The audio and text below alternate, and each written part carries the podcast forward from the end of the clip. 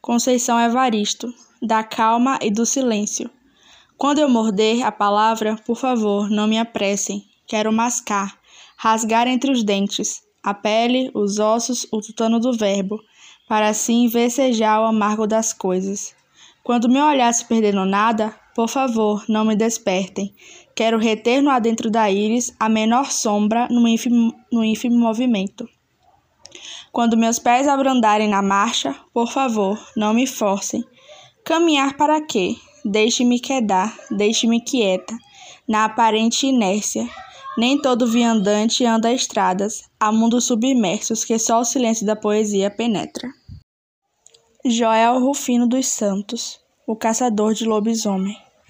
O mistério viajante está coberto de poeira, usa um chapelão e tem os dedos cobertos de anéis. O cavalo, coitado, está com três palmos de língua para fora. Pelo jeito, caminham há muitas horas. Onde será que vão? Assim começa essa enigmática e bem-humorada narrativa criada por Joel Rufino dos Santos. O cenário é uma precária vila de Passavento, uma cidadezinha da roça, amedrontada com a existência de um bicho estranho que os moradores julgavam ser um lobisomem. O prefeito, doutor Arenaldo, contrata um coronel Dondon, o maior caçador do mundo desse lendário animal.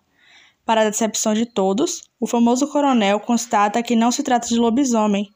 Antes de partir, arrasado e cabisbaixo, sugere ao prefeito que procure no Tibete o Dr. Sanzorrei. Muitas passagens engraçadas, muito suspense, muita ação, muita surpresa nessa história, tão bem contada que resgata um pouco do nosso imaginário popular.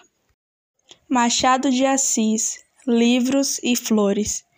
Teus olhos são meus livros. Que livro aí melhor? Em que melhor se leia a página do amor? Flores me são teus lábios, onde é mais bela flor. Em que melhor se beba o bálsamo do amor? Carolina Maria de Jesus, dá-me as rosas. No campo em que eu repousar, solitária e tenebrosa, eu vos peço para adornar o meu jazigo com as rosas. As flores são formosas aos olhos de um poeta, dentre todas são as rosas a minha flor predileta. Se há afeiçoares aos versos inocentes que deixo escritos aqui, e quiseres ofertar-me um presente, dá-me as rosas que pedi. Agradeço-lhe com fervor, desde já o meu obrigado, se me levares esta flor no dia dos finados. Elisa Lucinda, Zumbi Saldo. Zumbi, meu zumbi, hoje meu coração eu arranco. Zumbi, hoje eu fui ao banco e ainda estou presa. Escuto os seus sinos e ainda estou presa na senzala Bamerindos. Presa definitivamente, presa absolutamente, à minha conta corrente.